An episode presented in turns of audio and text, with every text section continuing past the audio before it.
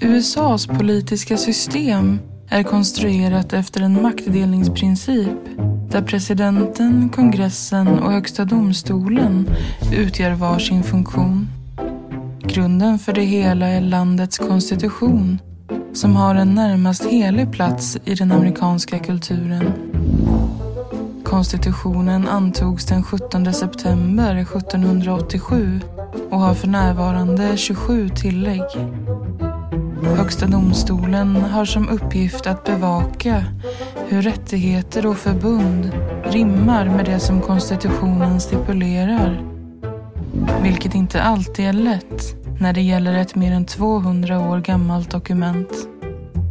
Utslagen från domstolen blir sedan praxisgörande för vilken lagstiftning som är möjlig för delstaterna. Hur gick det till när de 13 kolonierna bröt sig loss från det brittiska väldet och blev de första förenade staterna? Vad var orsakerna till det politiska system som utvecklades? Och hur politiskt verkar egentligen Högsta domstolen? Gäst i detta avsnitt är Karin Henriksson. Hon är journalist och har bland annat varit USA-korrespondent för Svenska Dagbladet. Ett flertal böcker om USA har hon också skrivit.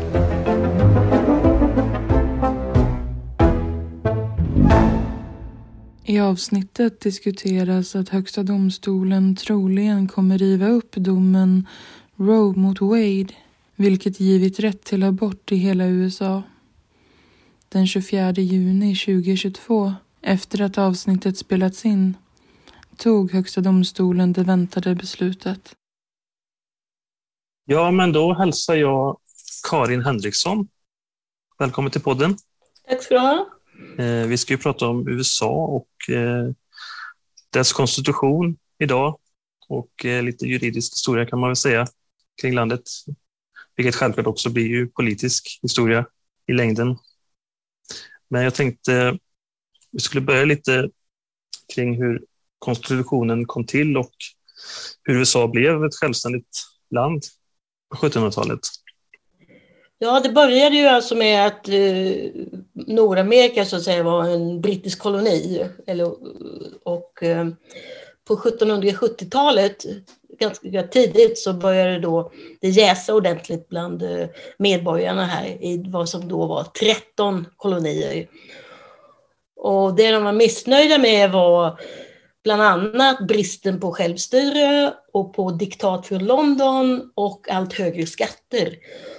Och eh, det ledde till uppror helt enkelt. Och ett långt krig. Och, och det, det, viktiga datumet, det första viktiga datumet är ju 4 juli 1776 när man undertecknade självständighetsförklaringen och helt enkelt bröt sig loss från England och kung Georg den tredje som de verkligen hatade.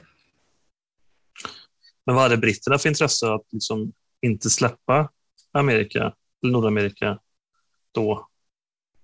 Nej, det ville de ju inte. Det var ju lönsamt att ha kolonier och liksom få tillgång till det, ja, de ekonomiska fördelarna där med eh, tobak och eh, alltså export av tobak och andra grödor.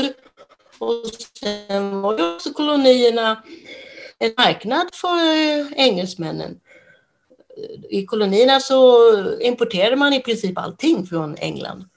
Allt från eh, ja, verktyg till vin och, och porslin och glas och allting faktiskt. Plus då slavarna. Ja, precis. Kom ju då via fartyg från Afrika i en, liksom, en triangel. Mm.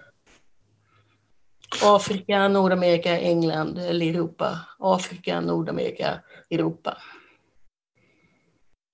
Men kriget pågick ganska länge ändå. Det känns som britterna ändå då tänkte, försökte ganska länge att hålla kvar. Men det var inte speciellt framgångsrikt, kriget heller. Absolut. Alltså, det var ju i sju år och eh, egentligen borde ju britterna ha vunnit för de hade ju en större armé och eh, kolonierna eller kolonialisterna fick då draghjälp av Frankrike som ju ständigt befann sig i krig med England. Ja, just det. Och om det inte hade varit så så hade det kanske inte gått vägen. Och det fanns ju också i kolonierna då, lojala undersåtare som ville bli kvar i, i England. Men det var sådana små detaljer som att eh, George Washington hade ju varit då officer i den brittiska armén. Men han kunde inte stiga i graderna mer. Det tillät man inte invånarna i kolonierna utan det fick bara engelsmännen i England göra och det störde honom ganska mycket och bidrog till att han personligen engagerade sig i, i självständighetskampen. Men det fanns inget intresse från britternas sida att liksom gå till mötes när det gäller till exempel representation och sånt? Ja, det gjorde de kanske, men det räckte ju inte. Nej. Men sen var det då 13 delstater som förklarade sig självständiga.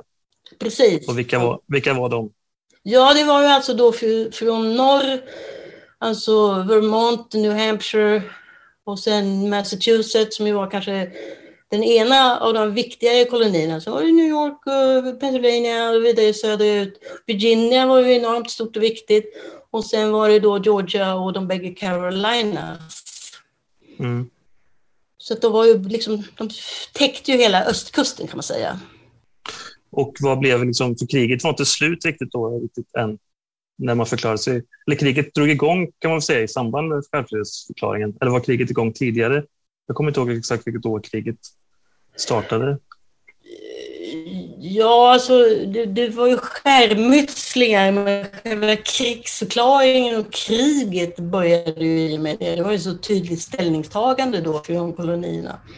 Men det var ju som, som du sa, det var ett väldigt långt krig och det var utdraget och kolonialarmén hade det väldigt kärvt och eh, de hade ont om, Här helt enkelt ont om pengar.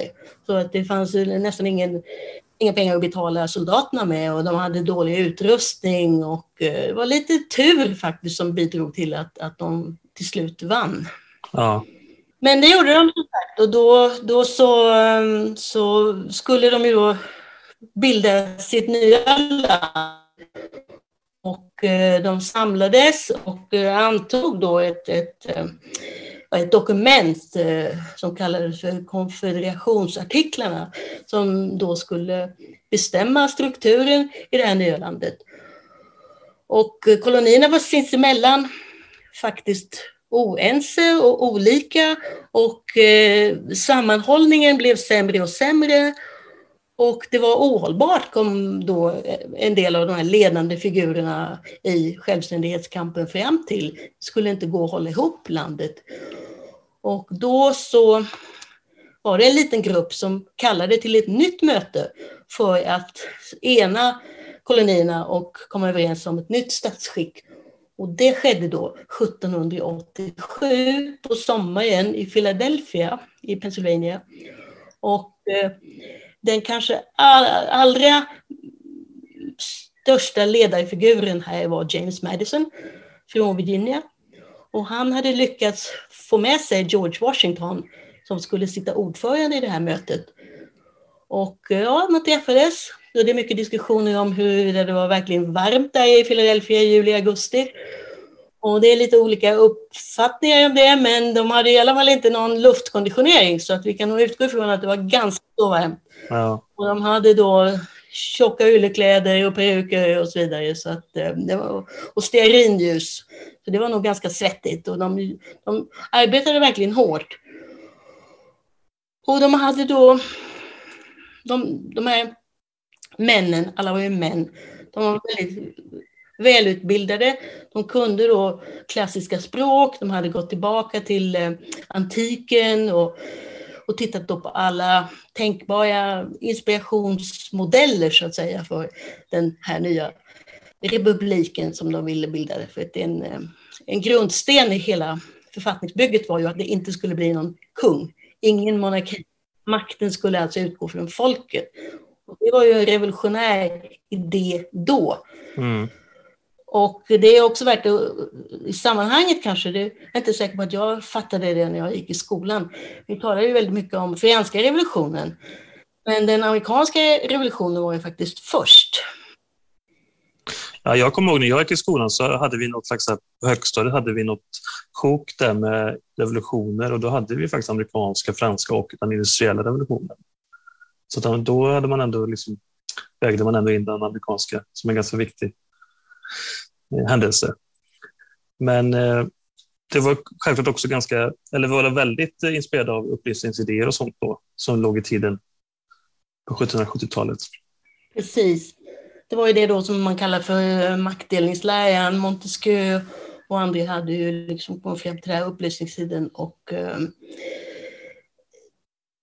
som sagt, det gick nog ganska kärvt till men eh, James Madison hade förberett sig väldigt väl. Han hade faktiskt tänkt ut idéerna bakom och fick med sig de andra.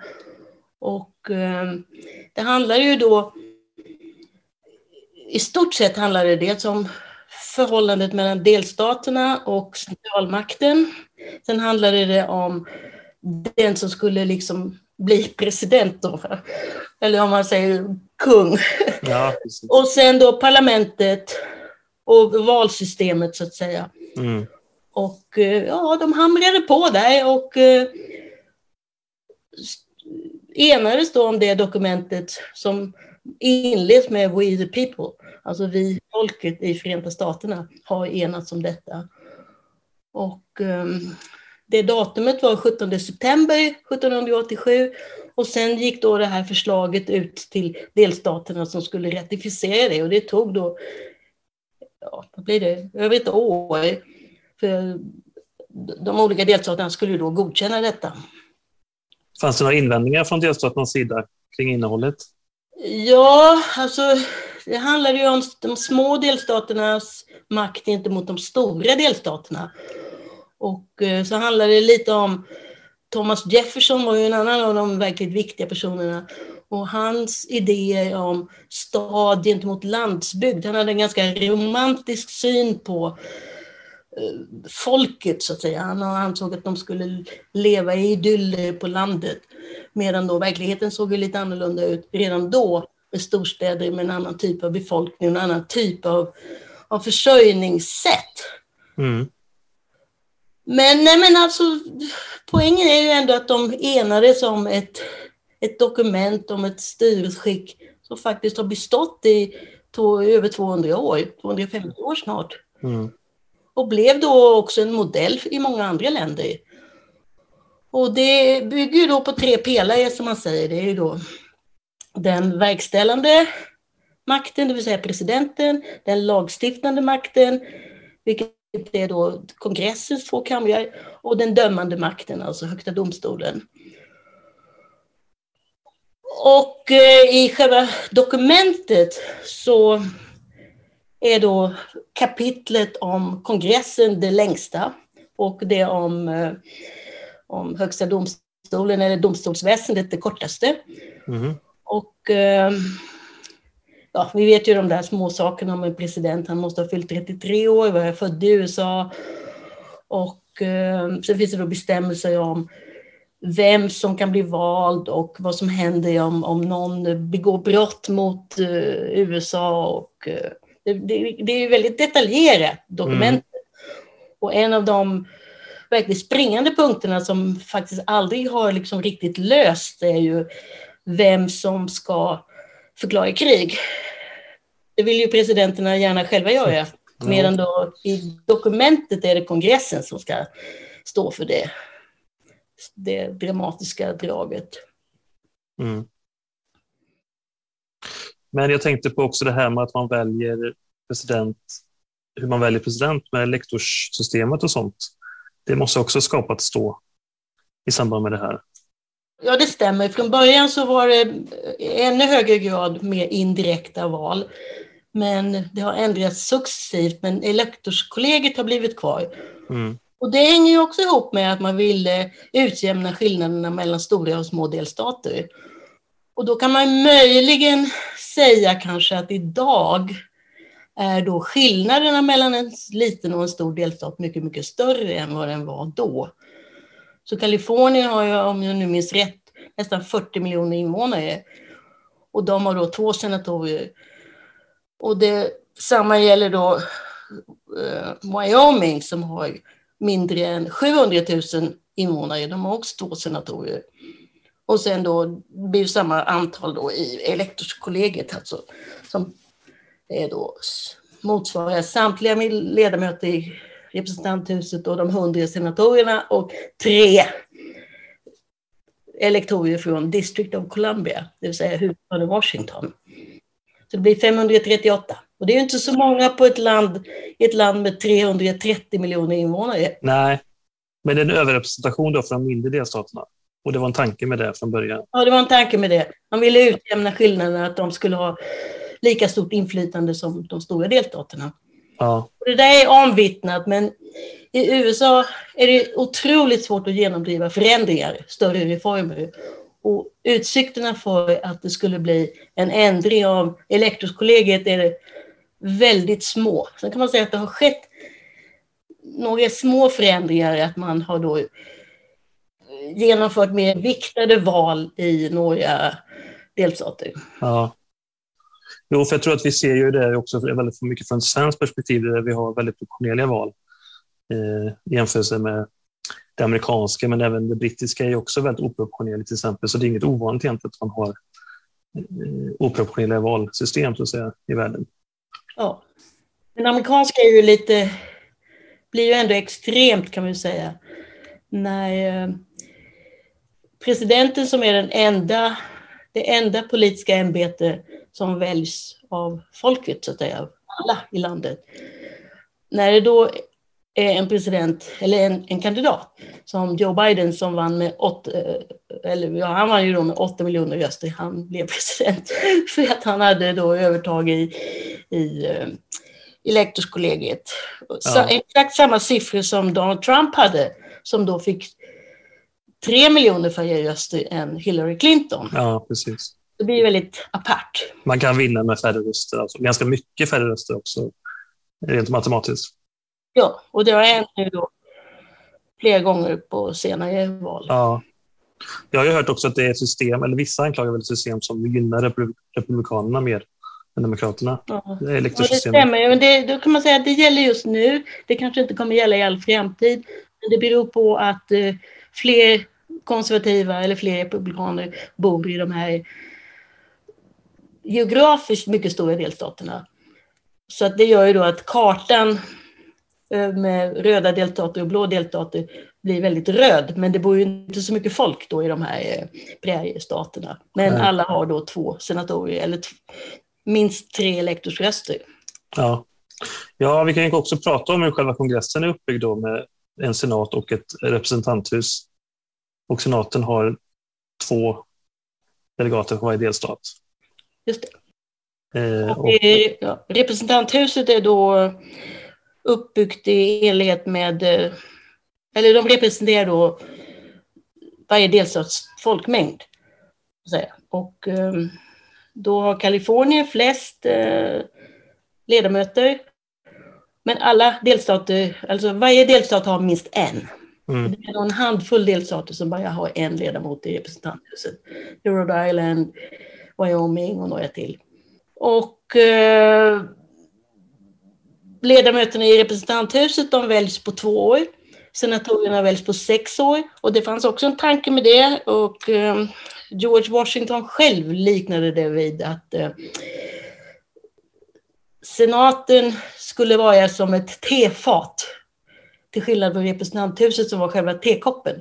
Om man ville svalka om man ville dricka lite svalare dryck så hällde man ut då som man gör med kaffe. Va? Ja, ja. Teet på fatet så att det svalnar. Ja, det. Så det är tanken att, att eh, representanthuset ska vara lite hetsigare, ska eh, representera folkviljan, uppblossande stämningar medan då senaten ska vara mer långsiktig och smälta saker i lugn och ro. Och, men eh, så fungerar det ju inte alltid det är ju väldigt hetsiga stämningar i, i båda församlingarna just. Vilket inte betyder att de kommer överens om någonting. De står ju väldigt långt från Ja, och även om man följer amerikansk politik en hel del så tycker jag det är krångligt att förstå riktigt liksom, eh, viktningen mellan de här olika eh, husen och även presidenten då som tydligen kan lägga veton och, och presidential orders och allt möjligt. Så det juridiska systemet är ganska avancerat i USA kan man tycka, ur vårt perspektiv i alla fall. Ja, det är ett väldigt trögt system och man tänker sig då att eh, den amerikanska presidenten är världens mäktigaste man och leader of the free world och allt vad man säger. Och det kanske stämmer på sätt och vis, men eh, för en president att få igenom någonting på riktigt så att säga, som inte gäller då populistiska saker som skattesänkningar och så. Men om man eh, tittar då på det som kostar pengar så att säga, bortsett från försvaret, men om man tittar på sociala reformer, då, som ju då det demokratiska partiet har genomdrivit traditionellt på 30-talet och på 60-talet. Och det kunde bara ske tack vare mycket stora majoriteter i båda kamrarna i kongressen. Och det ser vi ju nu idag att, att eh, Barack Obama kunde då genomtrumfa sin sjukvårdsreform. Men det, var ju inte, det gick ju inte så lätt och han fick inte med sig några republikanska röster.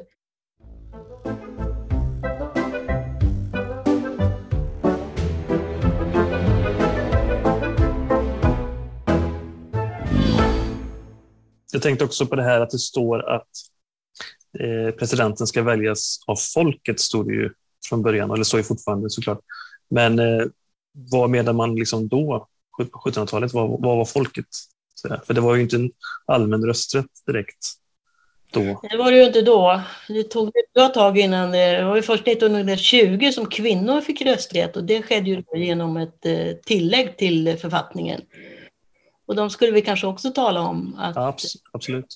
Ja, det är ju då när man väl hade fattat beslutet om konstitutionen, det vill själva styrelseskicket, uppbyggnaden av, av det politiska systemet, då var det i första hand igen James Madison som ville driva igenom ett ja, ett kapitel till så att säga. Och det var då individuella rättigheter. Och eh, de listas då i tio tillägg som handlar om yttrandefrihet, religionsfrihet, eh, frihet från att, eh, frihet så att säga, från frihetsberövande.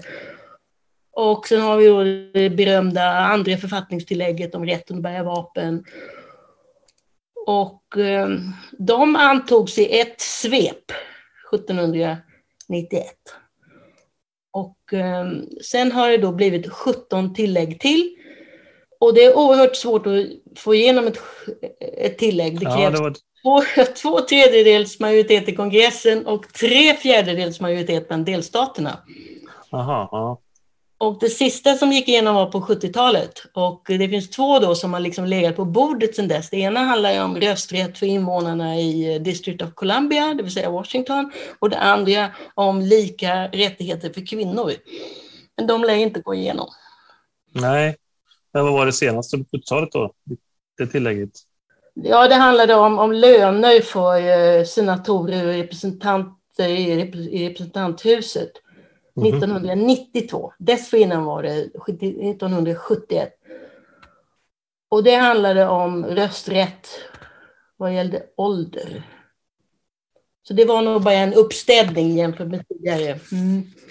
Så man kan säga att alla typer av förändringar i konstitutionen så blir tillägg istället? Ja. Då. det går inte att ändra i själva dokumentet. Det är fullständigt uteslutet. Ja. Tvärtom så är det liksom är det många som dyrkar det här dokumentet och menar att det är nästan, nästan heligt. Och det, så det är liksom två skolor där. Det ena är då, som, den ena säger då att det här är vårt grunddokument. Det ska vi följa. Det var våra founding fathers uh, högsta önskan. Sen finns det då motsatsen. Människor som, eller experter till och med, som anser att så där kan man ju inte tänka. De det finns till och med frågetecken kring huruvida founding fathers själva ansåg att den här texten skulle vara i all evighet. Och sen kan man då säga att världen ser inte alls ut som den gjorde på 1700-talet. Hur Nej. kan man överhuvudtaget diskutera flygplan, rymdfärder, eh, forskning kring eh, nya mediciner, eh, man kan göra, den listan kan bli hur lång som helst. Och det är då ibland ganska så vad ska man kalla det för, det är liksom ganska ångestfyllt rent av hur de ska försöka passa in ett domslut i Högsta domstolen på någon viss eh, eh, formulering i, i författningen. Ja, och som du sa så finns det lite olika skolor där. Vissa är kanske mer bokstavstroende, om man säger så, än andra. Ja, kan man säga. Och eh, det är då det har ju skett en ganska stor svängning nu i, i domstolen på de senaste kanske 15-20 åren till en mer konservativ eh, tolkning av dokumentet. Mm. Och det står ju då i högsta grad aktuellt just nu med abortdiskussionen. Mm. Ja, jag tänkte att vi skulle kunna prata lite om det senare kanske. Men jag tänkte på tilläggen om man ser över historien där. Vilka är de viktigaste tilläggen skulle du säga? Ja, den viktigaste är ju då naturligtvis yttrandefriheten och religionsfriheten, mötesfriheten, som gör då, det är ju ändå en, en, en eh, ja, jag återkommer till det ordet, men det är ändå en grundsten i, i vår västerländska demokrati, det är ändå att människor ska ha rätt att säga vad de vill, när de vill och hur de vill. Sen finns det naturligtvis inskränkningar i det. Mm. Så det är viktigt och sen är det viktigt då i det amerikanska systemet att eh, just det här att man har rätt att försvara sig mot då ja, tyranner kan man kanske säga, för det var ju det tankesättet som gällde då på 1700-talet. Motståndaren var ju den brittiske kungen, Ja, den enväldige brittiske kungen. Så det genomsyrar ju ändå tankegångarna bakom eh, författningen. ja, vapenfrågan är ju fortfarande väldigt aktuell. Det är kanske är den som mest känner nästan det, det tillägget. Ja, det är ju aktuellt när vi talas vid här tyvärr. Ja, just det. Men eh, om det kan man säga, det andra författningstillägget har då tolkats på olika sätt under åren. Och eh, det är nog många ledamöter i Högsta domstolen och jurister som var aktiva på kanske 1920, 30, 40, 50-talen och så vidare som skulle vara mycket förvånade över tolkningen som görs idag. Att eh, individen i princip har eh, oinskränkt rätt att bära vapen. Medan det då historiskt sett så anser i alla fall människor som är emot eh, den här liberala attityden till vapen, då var det faktiskt att det, det gällde enskilda människors rätt att slå tillbaka mot övermakten, så att säga. Ja, Inte nödvändigtvis att de skulle ha en pistol hemma för att skjuta, kunna skjuta en inbrottstjuv. nej. Och det var också en annan typ av vapen. På 1700-talet var det ju liksom mynningsladdare eller vad det heter och man skulle då tog tid att att ladda sitt vapen medan det nu är då man kan köpa en sån här magasin som kan skjuta massor av skott på en minut. Ja. Jo, det är mycket av debatten också, vilket typ av vapen som så att säga, ska vara lättillgänglig eller inte. Ja, fast det har ju inte nödvändigtvis liksom... Den diskussionen förs inte nödvändigtvis i de fall som har nått Högsta domstolen, utan där har det mer handlat om rätten för den enskilde att ha ett vapen, inte nödvändigtvis vilken typ av vapen. Det är Nej. mer en lagstiftningsfråga. Och där har ju inte då Demokraterna, igen då får man ju säga, är de som driver det, har inte varit särskilt framgångsrika. Nej. På, på Bill Clintons tid så, så antogs en lag med eh, inskränkningar i just halvautomatiska vapen. Det var en lag som bara gällde i tio år. Det är en väldigt speciell idé i USA att man stiftar lagar som, som bara ska gälla ett visst antal år. Sen så utgår man ifrån att framtida politiker ska förlänga dem, men så sker inte alltid. Så de är liksom, när de stiftas så är de tidsbestämda redan från början? Så att säga.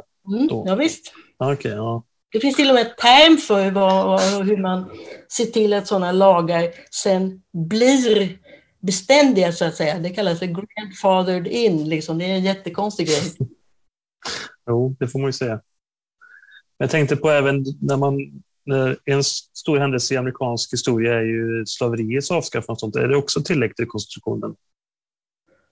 När USA kom till, så att säga, mm. var slaveriet mycket vanligt förekommande. Eh, ett dussin av de första presidenterna ägde slavar. Mm. Och uh, i och för sig hade då motståndet mot slaveriet börjat märkas, särskilt då i norr. Men när de träffades i Philadelphia för att skriva författningen, då var det fullkomligt otänkbart att uh, förbud mot slaveriet skulle ingå. Då skulle uh, ledamöter, deltagarna från sydstaterna skulle gå he åka hem i så fall. Och då enades man om en väldigt egendomlig kompromiss, att slavarna skulle räknas in i befolkningsunderlaget som tre femtedels personer. Mm -hmm. Och det är verkligen en skamfläck för USA.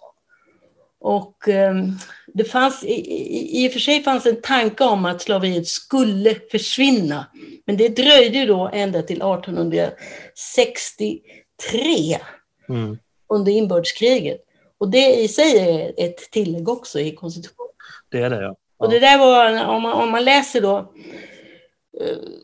liksom om presidenterna, om kongressen och om delstaterna under hela 1800-talet är detta en följetong. Mm. Om när man skulle ta in, alltså lägga till nya delstater, så var det en, en jättestor fråga i, i varje enskilt fall.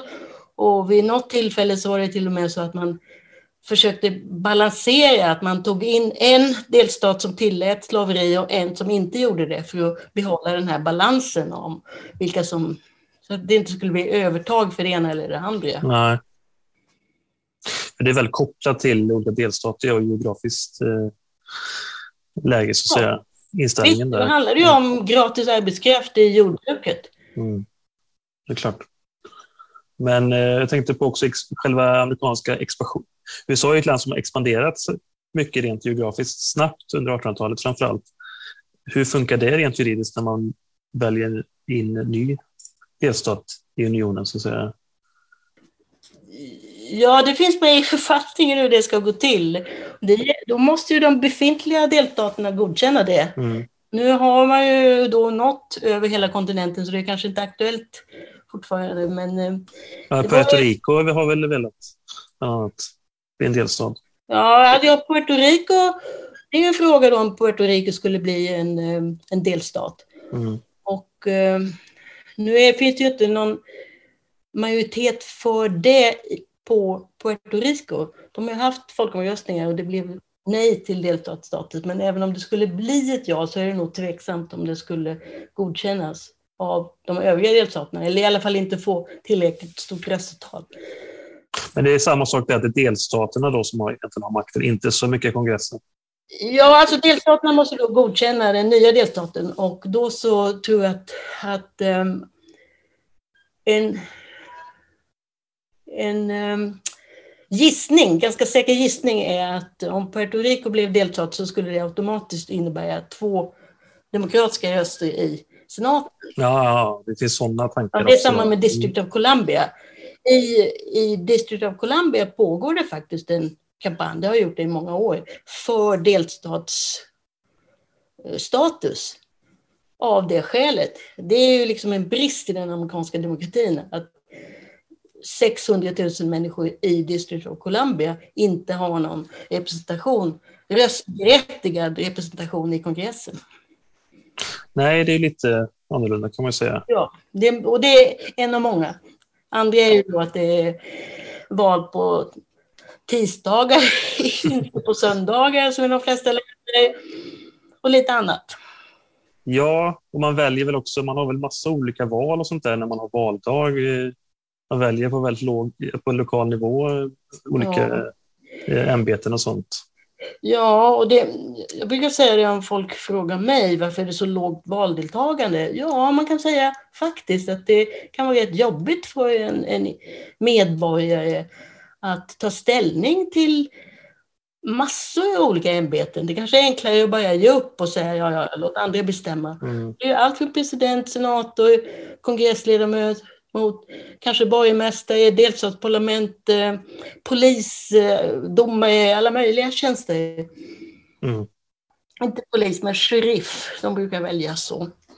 Och det måste ju ändå bygga på någon slags demokratisk tanke att folket ska utse även det. Men det kanske blir Ja. lite kontraproduktivt ändå då, att folk inte Ja, bryr det, sig. ja, ska man säga det? Det kan man absolut säga. Man kan säga att det, det är fantastiskt och det finns också en, en väldigt, ett väldigt engagemang ofta på lokal nivå. Det kanske till och med är en del amerikaner som är mer engagerade i, i något lokalt val än vad de är i presidentvalet, för det är närmare dem så att säga. Och ja, min man är amerikan och han brukar ofta säga att, eh, att titta på USA, titta hur demokratiskt det är. Och med det menar han att man inte liksom bestämmer sig för att den här frågan är nu avgjord, utan man fortsätter att debattera Mm. sånt som abort, vapen, dödsstraffet, religionen i skolan och så vidare. Vi har pratat lite om eh, kongressen och lite om presidenten, men den tredje maktfaktorn är ju Högsta domstolen som ju har en eh, stor roll i den amerikanska politiken. Hur är liksom själva domstolen, hur fungerar den? Eller hur är den uppbyggd? Eller man ska säga. Okej, ja, alltså domstolen, den högsta domstolen, Supreme Court of the United States, alltså SCOTUS, Mm. det är ju både då högsta rättsinstans och författningsdomstol. Och det är ju då liksom så att säga toppen av hela domstolsväsendet. Och eh, det är nio ledamöter, varav den ene då har ett slags ordföranderoll, Chief Justice. Och de börjar sitt sammanträde i oktober, och, alltså ett arbetsår ska man säga. Och avslutar någon gång framåt juni, juli. Och under den perioden så har de då muntliga, eller hör de, hör de då parterna i olika mål. Och eh, sen brukar de då fälla sina domar eller avgöranden ganska sent på arbetsåret. Så det är först i juni som man brukar få veta vad de har bestämt då om de mest kontroversiella frågorna. Och på senare år har det då varit vapen, abort, sjukvården, då Obamacare och eh, samkönade äktenskap och eh, överhuvudtaget hbtq-frågor. Och eh, som man kan säga att Högsta domstolen har fått en allt synligare roll, kanske de, låt oss säga det senaste halv, dryga halvseklet. Och det avspeglar nog att USA är ett mer eh, mångfacetterat land än vad det var förr och att det är då finns grupper som verkligen kräver att få sina rättigheter. Så man kan, på sätt och vis kan man säga att det började 1954 med eh, det som kallas för Brown versus Board of Education som handlar om eh, likvärdighet i skolor för svarta och vita elever. Mm. Och sen har det då fortsatt med på den vägen så att säga. Och eh, sen har då tillsättningarna av domare blivit allt mer brännande, allt mer eh, kontroversiellt, allt mer eh, aggressivt från båda sidor kan man säga. Och det hänger dels ihop med polariseringen i stort, att det är då att båda sidor så att säga står längre ifrån varandra. Men det beror också på att kongressen och presidenten har blivit lite impotenta. Mm. Att det, mer och mer frågor hänvisas till domstolen och det är alltså ett, ändå ett tecken på att det politiska systemet inte fungerar särskilt bra. Nej, för hur mycket var tanken från början att det ska vara eh, liksom politiserade domare? Jag antar att det inte var så mycket tanke från början, även om det är presidenten som utser. Tanken från början var väl den här liksom maktdelningen, att det skulle finnas en möjlighet för domstolsväsendet att ogiltigförklara beslut från presidenten eller kongressen så att säga. Så det är ju då en, det är lite katt, eh, vad heter, vad säger man, katten på råttan, råttan på repet Ja, det amerikanska systemet. Ja. och varje part så att säga kan ogiltigt förklara vad den andra har gjort. Men det är också möjligt för den parten att börja om och stifta en ny lag om Högsta domstolen skulle döma emot en själv. Men eh, så det har ju varit ganska obehagliga dramer får man säga under en lång period när då kandidater till Högsta domstolen har skärskådats allt mer. Mm. De är som sagt nio stycken och det krävs då fem för att nå majoritet. Ja. Och eh, under ganska lång period nu så har man delat upp ledamöterna i ett liberalt och ett konservativt block. Och eh, i och med Donald Trump fick det konservativa blocket tre nya ledamöter och därmed har de då en supermajoritet på 6-3. Så det var tre stycken domare som då skulle... Det var på en mandatperiod, så det måste ju vara unikt. Det är ganska ovanligt, ja. Det, ja. Han är inte den enda som har, har fått ut, se tre stycken.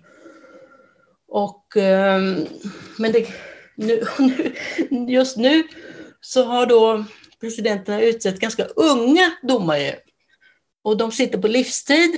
Alltså är det inte säkert att något, kommer, något avgörande kommer ske på ganska länge.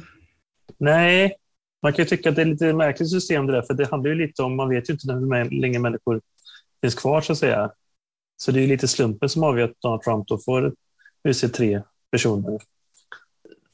För Donald Trumps del så hade han då så att säga tur i och med att eh, Republikanerna hade makt i senaten.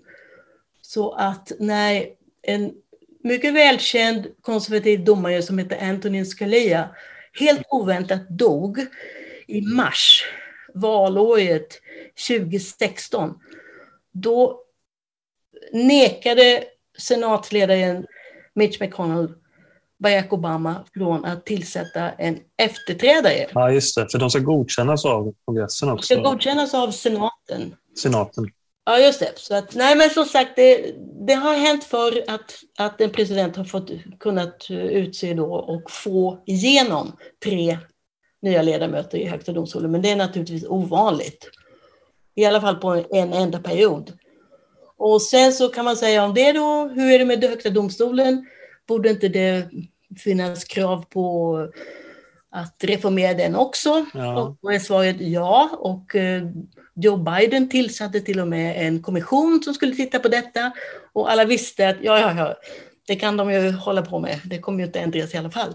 Men bland det som föreslås ingår då eventuellt en utvidgning, att man skulle ha kanske 13 ledamöter istället för 9. Mm. Men framför allt, och det kan man ju tycka att det skulle kunna gå igenom, det vore ju en, en åldersgräns. Ja. Till exempel 75 år. Mm. Att man då måste avgå.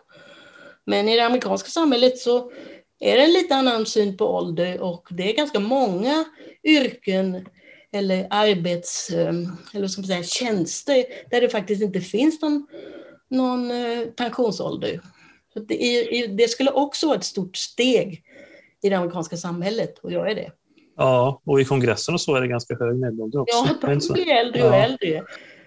De ställer ju omval när de är 60, när de är 86. Ja, jag menar det. I Sverige pratar vi om att det är väldigt liksom ungdomsfixering i politiken. Men USA är lite motsatsen kan man säga. Då Ja, det kan man säga. Det är väl då möjligen frågan om det kanske har gått lite för långt i USA. Jag tycker i och för sig att det, det är väldigt bra och viktigt ja. att, att äldre människor är representerade, både för att de vet mer och för att de är många ändå i ja, samhället. Precis. Även i Sverige men, är, ju, är ju många äldre. Men, att, men vad som kan hända då är det som har hänt en senator från Kalifornien som heter Diane Feinstein som var liksom en eh, kvinnosakspionjär, en eh, väldigt inflytelserik senator. Och hon bestämde sig för, jag tror att hon var 82, att hon skulle ställa upp för omval. Och ingen lyckades stoppa det. Och nu, ett par år senare, så är det då rykten om att hon är lite borta, inte riktigt har koll på vem hon har talat med och eh, är helt enkelt inte, ja, hon är inte mogen uppgiften längre. Nej. Utan det är då hennes stab som förbereder ärenden och omröstningar och så. Så skulle det ju ändå inte gå till kan man tycka. Men finns det någon, alltså kongressledamöter kan inte avsättas på något sätt eller?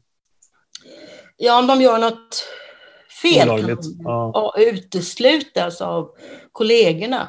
Mm. Men det är ovanligt. Det gäller även presidenten, va? kan väl avsättas på något sätt om, om man till Ja. exempel skulle vara dement eller något sånt liknande. Visst. Det finns två sätt. Det ena är då riksrätt, som vi har sett, med både Bill Clinton och Donald Trump.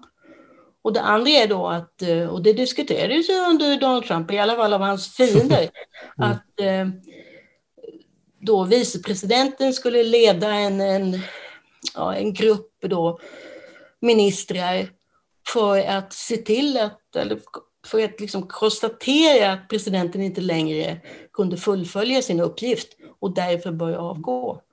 Men det är också väldigt svårt att tänka sig att det skulle...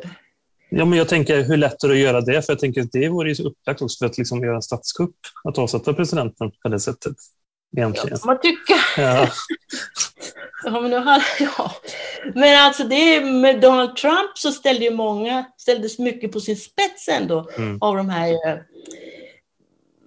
allt det som hände under hans presidenttid då, inte minst den 6 januari stormningen av Kapitolium, huruvida hans agerande på något sätt strider mot författningen. Där finns det ordalydelser om att man inte får eh, instifta uppror mot statsmakten så att säga, eller mot amerikanska staten. Och gjorde han det, då vore det väldigt allvarligt naturligtvis.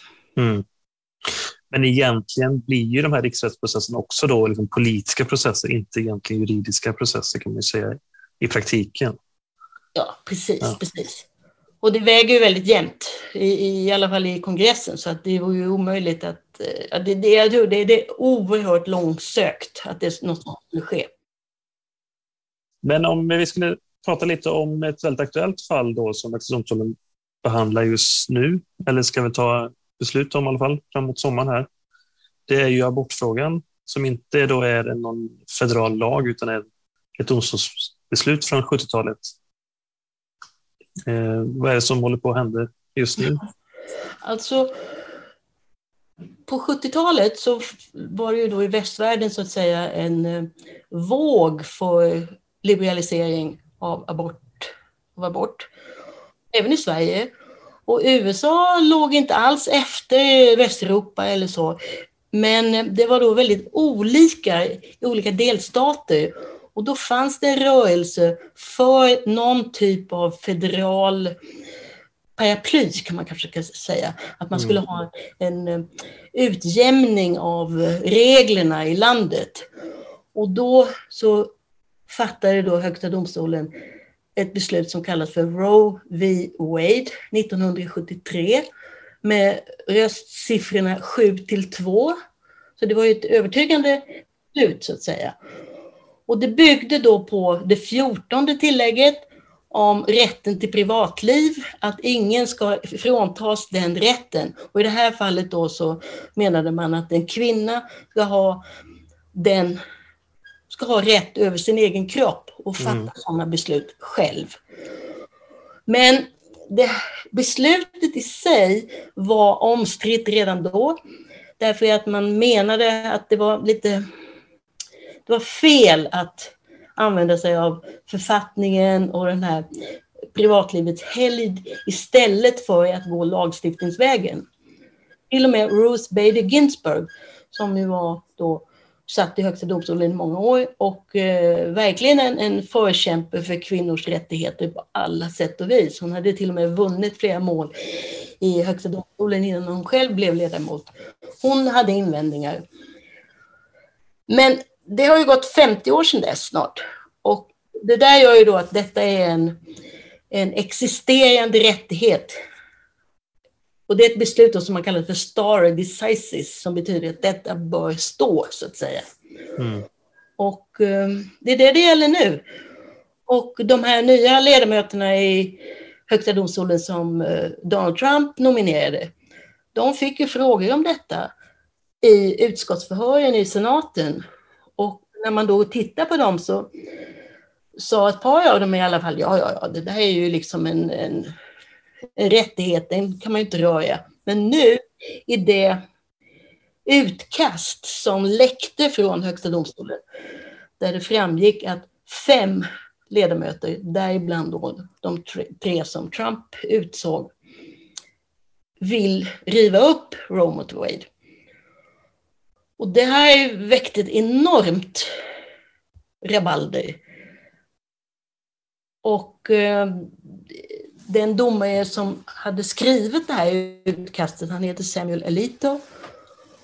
Och eh, han har fått väldigt mycket kritik kan man säga, i synnerhet från kvinnor som, som verkligen har räkat ner på hans argument. Mm. Han säger bland annat, ja, ja, ja, det är andra tider idag, kvinnor har helt andra möjligheter att arbeta, de, de kan ta hand om barn på ett annat sätt som de inte kunde på 70-talet. Och mot det säger många kvinnor att, nåja, här i USA har vi verkligen inte något paradis för förvärvsarbetande mödrar eller mödrar överhuvudtaget. Och eh, det har också varit ett väldigt, det har varit väldigt skadligt för domstolen den här läckan. Det finns nu opinionsmätningar som visar att färre än hälften av amerikanerna känner då respekt eller tilltro till domstolen. Och i och med då att den bör ju vara någorlunda opolitisk med tanke ja. på att det är sista ordet ändå i samhället. Så det, det, är väldigt, det är väldigt oroväckande faktiskt. För annars har då domstolen varit någorlunda respekterad. Kanske 60-70 procent har tyckt att de, de, de gör bra, som man brukar säga, gör bra jobb. Ja, precis. Men är det att det blivit så himla polariserat som är liksom grunden till den här misstron mot domstolen? För det känns som att domstolen också är liksom mycket mer polariserad kanske än vad det var tidigare. Ja, alltså man kan väl säga att liksom själva tillsättningen har gått till så att man har, kanske från båda sidor till och med, att man har tagit då personer som ändå representerar en viss falang i juridiken. Och så kan man också säga att domstolen på det sättet kanske släpar efter att eh, det här då, de, de här borde egentligen kanske tillsätts redan under Ronald Reagan eller eh, George Bush eller så. Men att eh, nu då har man ändå uppfattningen att i just den här frågan så är den majoriteten då, om det nu blir så, i domstolen inte representativ för samhället i stort. Och då blir det ju ännu värre vad gäller tilltron framöver. Och till saken hör jag också att eh, en av ledamöterna som heter Clarence Thomas, som är den som kommer att ha suttit längst när en av de äldre avgår. Hans fru har visat sig vara en väldigt aktiv eh, person, Trump-vänlig och själv agerat i de här frågorna när det gäller valutgången och så. Så det är inte heller bra för domstolens anseende. Nej. Men om det nu skulle bli så att man river upp den här lagen i sommar, vad betyder det rent i praktiken? Det betyder att det går tillbaka till delstaterna att bestämma själva då kring abortfrågan? Ja, ja och då finns det redan studier som säger att eh, i runt hälften av delstaterna kommer det bli inskränkningar, ganska stora sådana. Och, eh, men man kan ju inte säga att det blir förbud mot abort i USA, för det blir det ju inte. Nej kommer ju finnas delstater där det fortfarande är legalt. Men det är naturligtvis en trend som är oroande för kvinnor i stort. För i de här delstaterna, det är några av dem, där eh, motståndet mot abort är som störst. Där finns det också ett motstånd mot preventivmedel och mot eh, det som kallas abortpiller. Mm.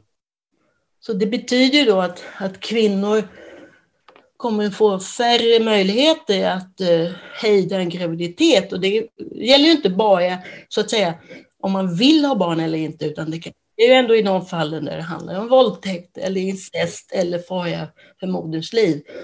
Och de undantagen görs inte i alla de här nya förslagen till lagar. Nej. Och det känns ju lite konstigt för att trenden i övrigt i världen är väldigt liksom, historiskt konservativa länder har ju gått andra hållet, att man liberaliserar sina abortlagstiftningar. Ja, till exempel Mexiko, Irland och några mm, andra. Argentina. Mm. Ja, Mm, mm. ja. Men, då, men man kan, tanken är då att man ska kunna resa till en annan delstat och göra abort istället då, om man inte har det, abort i sin egen delstat. Ja, men då finns det till och med de som menar att man borde införa förbud mot det. Ja, Och sen är det ju då i Texas är det väl där man eh, uppmanar folk att ange kvinnor som gör abort eller läkare som utför aborter. Det tycker jag verkar vara en väldigt oamerikansk idé. Ja, men har den här frågan varit under åren, för det har gått som sa nästan 50 år, har den varit så här het som den är nu eller har den varit ganska ändå, har man varit med på att den här domen ska vara gällande? Ja, alltså jag har ju då rapporterat från USA i många, många, många år och eh, jag skulle säga att ja, den har legat på bordet hela tiden och eh, eller abortmotståndarna har naturligtvis aldrig gett upp. Nej. Och då är frågan vad, vad som händer nu. Om, eh, då blir naturligtvis nästa steg att de kommer att jobba hårdare i de delstater där abort fortfarande är illegalt. Men så ja, alltså den, den har legat på bordet och eh, men det har Folkopinionen har varit ganska tydlig hela tiden att en stor majoritet anser att abort bör vara en möjlighet. Mm. I synnerhet då om det har varit våldtäkt eller incest. Och fara för moderns liv. Det är lite annorlunda. Där, där har man nog möjligheter kanske att kringgå även strikta regler. Om man, och då måste man också välja kanske vems liv som ska räddas, fostrets eller mammans. Men för det är ju ofta en levande fråga ändå i valrörelsen och så, på ett annat sätt. Jag menar i Sverige är det ju ingen som pratar om abortfrågan i, i en valrörelse till exempel. Ja, i Sverige har väl liksom då, alltså, det har ju skett ändringar i eh, när aborterna får göras. Mm. Liksom färre, kort, liksom längre tillbaka i graviditeten så att säga. Men eh, det, det- kommer bli väldigt intressant i, i höst för att eh, då i mellanårsvalen i, i november. För att eh, det är redan en del som säger att Texas har ju då infört en väldigt hård lag, men att det inte har straffat de som, de har inte bestraffats av väljarna än så länge och det, det är ju ändå, jag måste säga att jag tycker att det, det är ju ändå inte en drömfråga att gå till val på och försvara aborträtt. Oavsett vad man tycker i själva sakfrågan. Och um, vad som är lite tråkigt för Demokraterna så här är ju att de vill ju fokusera på helt andra saker. De vill ju ha kanske utökad eh, barnomsorg. De vill ha föräldraledighet. Mm. De, och det kommer ju då överskuggas av detta, som ändå är lite av en eh, onödig eh, konflikt kan man säga. De allra flesta. Men det är väl en del av det här kulturkriget man pratar om i USA, Ja, som är väldigt centralt idag i den politiska diskussionen. ja. Men man önskar ändå att det engagemanget funnits i en del andra rättvisefrågor. Mm. Och så kan man ju säga då som en del politiker alltid säger att ska vi inte fokusera mer på de födda barnens rätt än de ofödda barnens Ja, rätt? precis. Mm. Men om du ser framåt, då, vad, vad tror du kan bli andra aktuella frågor som blir fokus för domstolen? Och kan det kopplas ihop om nu aborträtten eh, ifrågasätts? Kan det vara ett slutande plan åt eh, liknande frågor till exempel? Ja. Det är det många spekulerar i, huruvida det nu kommer bli fler liknande om helomvändningar och det skulle då gälla samkönade äktenskap i första hand. Men eh, även då eh, kvotering i, på universiteten och andra skolor. Och vad gäller HBTQ är det kanske svårt att se att de ska gå tillbaka där. Ehm, det beror lite på vad det är för mål som når så högt så att säga. Men vad gäller kvotering kan man nog tänka sig att det kommer bli bakslag. Att det har redan synts även från eh, John Roberts som är chefsdomare, Chief Justice. Han tog till orda om detta redan för flera år sedan och sa att eh, det enda sättet att stoppa orättvis antagning till skolor är att stoppa ojämlik antagning till skolor. Så det är så de kommer resonera även i det här fallet kan man tänka sig. Men samtidigt då så för John Roberts, han, alltså de ger inte intervjuer, domarna. De lever liksom en, i en hemlig värld. De kommer ut ibland och håller små föredrag eller kanske ställer upp i någon mindre sällskap lite ut med lite frågor på slutet. Men eh, John Roberts anses vara väldigt angelägen om att se till att domstolens ställning förblir stark. Mm. Och det var därför, tror man, som han var... Han, det var han som stod för utslagsrösten i eh, fallet med Obamas vårdreform. Alltså att man tror att han på något sätt väjde sig för att stoppa politikerna, alltså stoppa den de, politiskt valda demokratiska majoritetens vilja. Och det kan man ju tänka sig att det kan bli en, en vägledande princip för honom även i, i de här fallen. Men det kommer också då bero på vad han får för mothugg internt. Ja, jag tänker vi kan börja avrunda lite. Okay. Eh, har vi något slutord? Har vi något slutord? Som kan sammanfatta lite kanske, eller något annat som du tycker är viktigt kring det här allmänt? Man kan väl säga att det är ju på många sätt tilltalande att en ung nation som USA ändå håller fast vid det här dokumentet. Och att man inte håller på och tramsar och gör en massa lagändringar, utan det här är verkligen rättesnöret i det amerikanska samhället. Och jag kan väl då passa på att säga att jag har ju faktiskt översatt författningen till svenska. Ja, Den heter Vi folket. Mm. Det var ganska svårt faktiskt, för även om jag är ju inte jurist själv, Nej. även om jag har då följt många av de här domstolsmålen genom åren. Och sen är det väldigt ålderdomligt språk. Och sen är det då en del saker som liksom inte förekommer längre. Man talar till exempel om eh, pirater ute på haven. De fanns ju på 1700-talet, men ja. i den mån de finns idag så ser de inte riktigt likadana ut. Nej. Precis. Och sen är det då Högsta domstolen, det har vi ju varit inne på, men hur, hur det kommer gå för dem, för domstolen om, om de nu gör den här typen av dramatiska omvändningar. Vad då folk i allmänhet kommer att säga. Och det lär väl i så fall urholka förtroendet för institutionerna mm. ännu mer. Och det är naturligtvis allvarligt i ett så på många sätt splittrat land som USA ändå är. Mm. Ja, men med de orden så tackar jag dig, Karin Henriksson, för din medverkan. Du har hört ett avsnitt av Moderna Tider. Gäst var Karin Henriksson. Programledare Stefan Hjalmarsson.